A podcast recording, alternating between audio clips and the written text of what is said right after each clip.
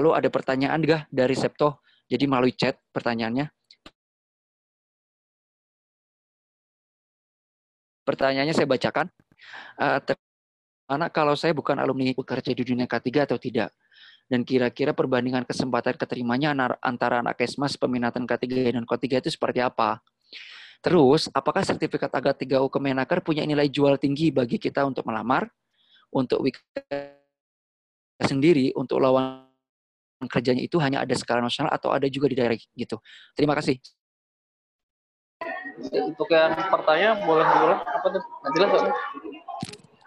Nah, bisa dicat di grup uh, di kolom uh, chat.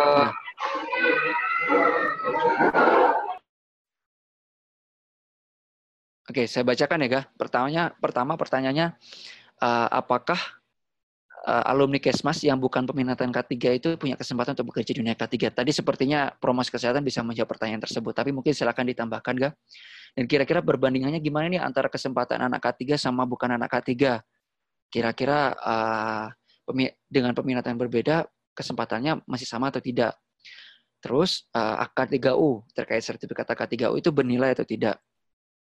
Nah, untuk WK sendiri biasanya lowongannya itu nasional atau daerah gitu, ga? Nah, mungkin silakan dijawab, ga.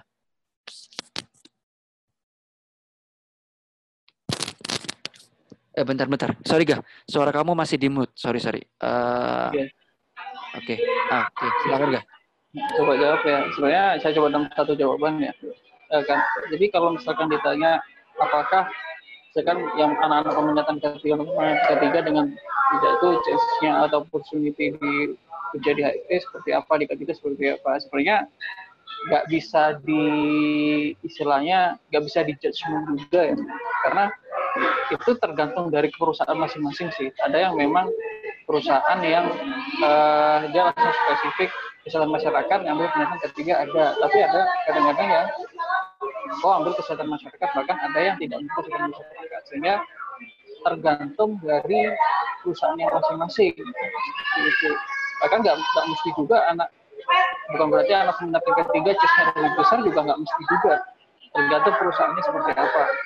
Biasanya kalau perusahaan yang uh, baru notabene baru biasanya sih nggak terlalu memper nggak terlalu memperlihatkan begitu. Tapi kalau yang memang perusahaannya sudah experience yang sudah memang kategori biasanya dia akan lebih selektif bisa jadi bahkan peminatan K3 ketika kalian peminatan K3 pun bisa jadi dilihat nanti magangnya di mana. Bahkan ada yang seperti itu. Jadi sebenarnya kalau saya boleh ambil ini sih chance-nya sama ya. Chance-nya nggak bisa chance-nya sama dan nggak bisa di, di judge. Oh yang mau yang ketiga lebih besar nggak bisa juga sebenarnya. Tergantung nanti perusahaan sektor industri yang kalian daftar seperti apa. Tuh. terus kalau terkait AK3U kalau AK3U juga sebenarnya sama juga. Ada perusahaan yang memang dia melihat sertifikat itu dan ada juga yang tidak bahkan ada yang mungkin melihat hanya sebagai formalitas kalian karena kalau saya lihat di Indonesia ini sebenarnya AK3 itu hanya sebagai formalitas untuk pemenuhan dokumen ketiga ke Kepnaker. Tapi secara real, pengaplikasian sertifikat AK3 itu nggak kelihatan kalau bagi saya. Seperti itu. Karena notabene seharusnya orang yang pegang AK3 itu orang yang benar-benar expert, yang benar-benar ahli K3 ya. Tapi sekarang apakah mungkin orang yang hanya ikut kursus dua minggu atau bahkan tujuh hari tiba-tiba langsung bisa jadi ahli K3, apalagi anak kismas. Maaf kalau saya bilang. Itu. Nah, kalau saya lihat sih memang uh, bahkan kalau saya di Wika pun uh, saya bilang K3U saya nggak pakai. Jadi saya K3U saya di Wika nggak pakai, tapi uh, manajer saya, departemen saya melihatnya ya melihat apa yang saya bisa kerjakan. Bukan dari saya punya sertifikat apa.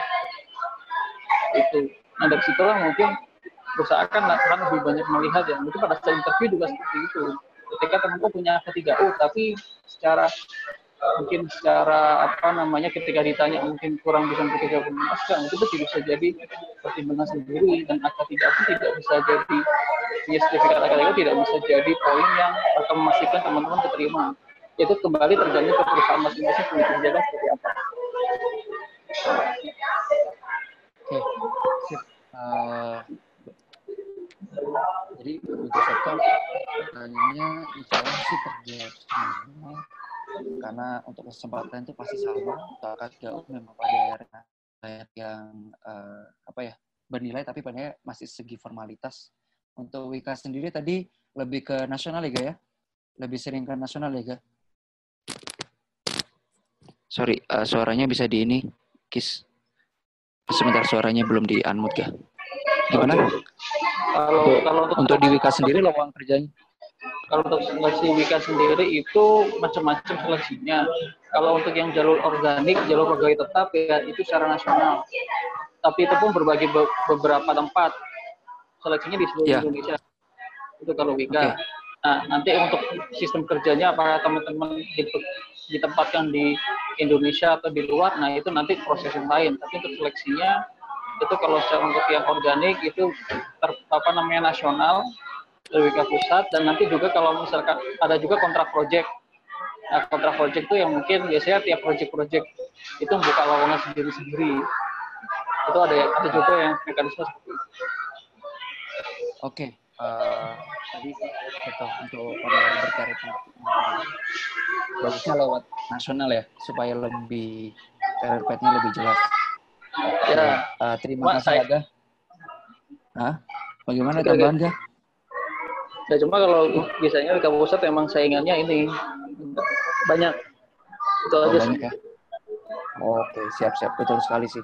Nah, ya sepertinya ini pertanyaannya udah semua, Kak. Dan tidak ada pertanyaan lagi sebelum Raga mungkin uh, menutup atau memberikan apa uh, untuk kita tutup diskusi ini bisa uh, saya minta izin Raga untuk minta tolong Raga buat memberikan kesimpulan dan nasihat atau sharing penting buat kami lah untuk ini kita highlight bersama. Silakan ga uh, saya masih belum masih belum ini belum lihat saya coba. Saya saya dari sih intinya sekarang apa ya eh, teman-teman uh, tetap tujuan saja. Terutama teman-teman yang masih mahasiswa ya. Teman-teman yang masih mahasiswa sekarang mau ditetapkan saya nanti ingin berkarir di dunia apa? Di dunia mana? Di mana kalau misalkan mau haji eh apa dari sekarang itu mau dipersiapkan. Baik secara uh, uh, kemampuan hard skillnya mungkin kemudian di kampus kemudian coba sering kalau saya pengen kerja di K3 saya mikir ya mulai sekarang coba baca-baca terkait K3 jadi tidak hanya tidak hanya tertutup dengan apa yang disampaikan di kampus tapi cobalah cari ilmu terkait K3 yang uh, yang lebih luas itu nah, kemudian secara soft skill yang mulai dari sekarang kalau mungkin yang yang mungkin yang ikut organisasi sudah ikut organisasi yang kita ya itu mungkin bisa dipakai. Tapi yang belum cobalah mulai ikut kegiatan-kegiatan organisasi kegiatan sehingga teman-teman secara hasil dan skill itu uh, sudah mulai terpupuk lah. Semuanya karena itu nanti pasti akan sangat berpengaruh akan sangat terpakai di dunia kerja. Bahkan kalau saya lebih kepake ilmu ilmu organisasinya daripada ilmu kerjanya. Itu okay. nah kemudian kemudian yang kedua mungkin ya apa ya punya target dan berusaha bagi untuk mencapai itu sebaik mungkin lah. Itu jadi memang harus punya goal teman-teman mau jadi apa mau jadi sekarang. Dan mungkin teman-teman yang sekarang sudah bekerja sudah bekerja mungkin jadi jadi apa K3 di, di tempat masing-masing ya coba sama sih coba tetapkan apa target K3 yang ingin dicapai sehingga itu itu yang akan jadi motivasi teman-teman nanti untuk bisa perform lebih baik lagi saya yakin kalau teman-teman bisa perform lebih lagi lebih baik lagi apa, apa ya kesempatan untuk bisa jenjang karir yang lebih tinggi itu akan semakin terbuka lebar.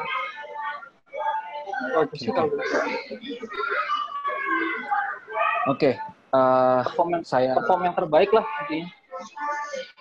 Oke, saya klik tadi uh, note dari Raga. Saya beberapa ada beberapa yang saya note dari sharing dari Raga malam hari ini terkait bagaimana teman-teman memberikan hal yang terbaik, bagaimana kemampuan organisasi teman-teman juga penting sekali untuk diaplikasikan uh, di tempat kerja.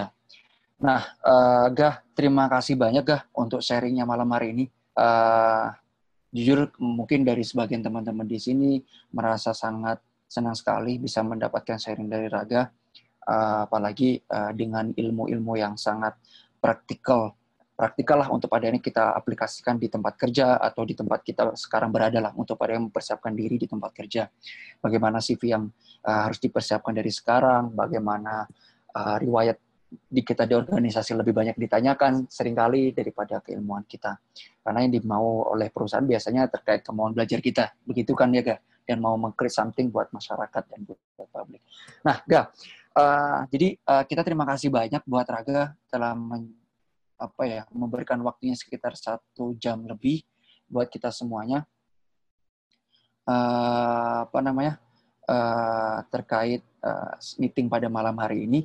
Ini tapi ada chat lagi dari Rian mau menambahkan apa ya? Uh, boleh saya kasih waktu satu sampai dua menit aja uh, untuk pada saya kesempatan untuk pada saya berikan kesempatan buat Raga untuk uh, keluar terlebih dahulu dari forum karena mungkin ada beberapa pertanyaan juga buat di kita di media kami di Jago Preventif ada beberapa tanya mengenai jago preventif itu sendiri, gak? Jadi nanti uh, kita mau sharing juga sedikit, sekitar lima menit sih untuk pada sharing terkait jago preventif sebelum saya tutup. Nah, tapi saya berikan kesempatan hanya satu sampai dua menit ya kepada Rian. Silakan untuk kita apa ya, Ya, makasih banyak kesempatannya. Sekali lagi terakhir, yang saya lupa bilang, kalau jualannya anak Kesmas di HSAE itu hal yang paling fundamental untuk kita, yaitu kesehatan kerjanya. Jadi, untuk teman-teman Kesmas yang kalau sudah mau bersaing di dunia SHE, jangan minder, jangan malu. Kalau yang saya lihat ya, mohon izin masyarakat ya, itu untuk kesehatan kerja kita itu jadi tombak loh, ujung tombak loh untuk kesehatan kerja terkait uh, gizi kerja sampai malah uh, lingkungan kerja terkait kesehatan lingkungan kerja. Jadi memang untuk jualan anak Kesmas, jualan anak Kesmas di dunia SHE itu poin kesehatan kerja menjadi ujung tombak kita yang bisa kita kembangkan di tempat kerja. Itu sih mungkin dari saya uh, untuk anak mas jangan jangan jangan inilah jangan ragu lah untuk ilmunya di dunia SHE kalau ingin bersaing sama teman-teman K3 yang basicnya engineering. Itu aja sih. Makasih. Okay. Izin saya mute lagi Rian suaranya uh, biar kita bisa fokus. Oke, terima kasih Rian sharing terakhirnya uh, cukup bagus bagaimana kita tadi mulai tadi memang agak sedikit fokus sama safety gitu ya. Tapi memang kesehatan kerja occupational health itu cukup memang diminati, sangat dicari juga Uh, semoga bermanfaat buat teman-teman semuanya. Nah, saya persilakan Raga sekali lagi terima kasih banyak buat sharingnya malam hari ini. Semoga benar-benar ilmunya bermanfaat dan karirnya semakin melejit dan jangan sampai lupa terhadap kami semua untuk sharing-sharingnya.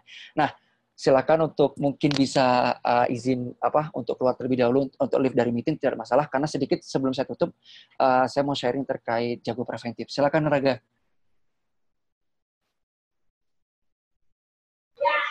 Oke, uh, mungkin itu saja dari saya. Uh, uh, ya semoga apa yang sedikit apa yang disiarkan ini bisa bermanfaat karena juga saya juga sama-sama masih belajar nggak terlalu tahu tahu banget ya semoga uh, bermanfaat lah buat teman-teman.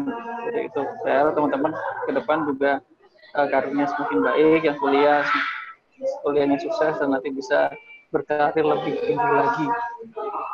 Ya itu saja mungkin dari saya. Terima kasih atas kesempatan berikan semoga bermanfaat. Betul ya wassalamualaikum warahmatullahi wabarakatuh. Dadah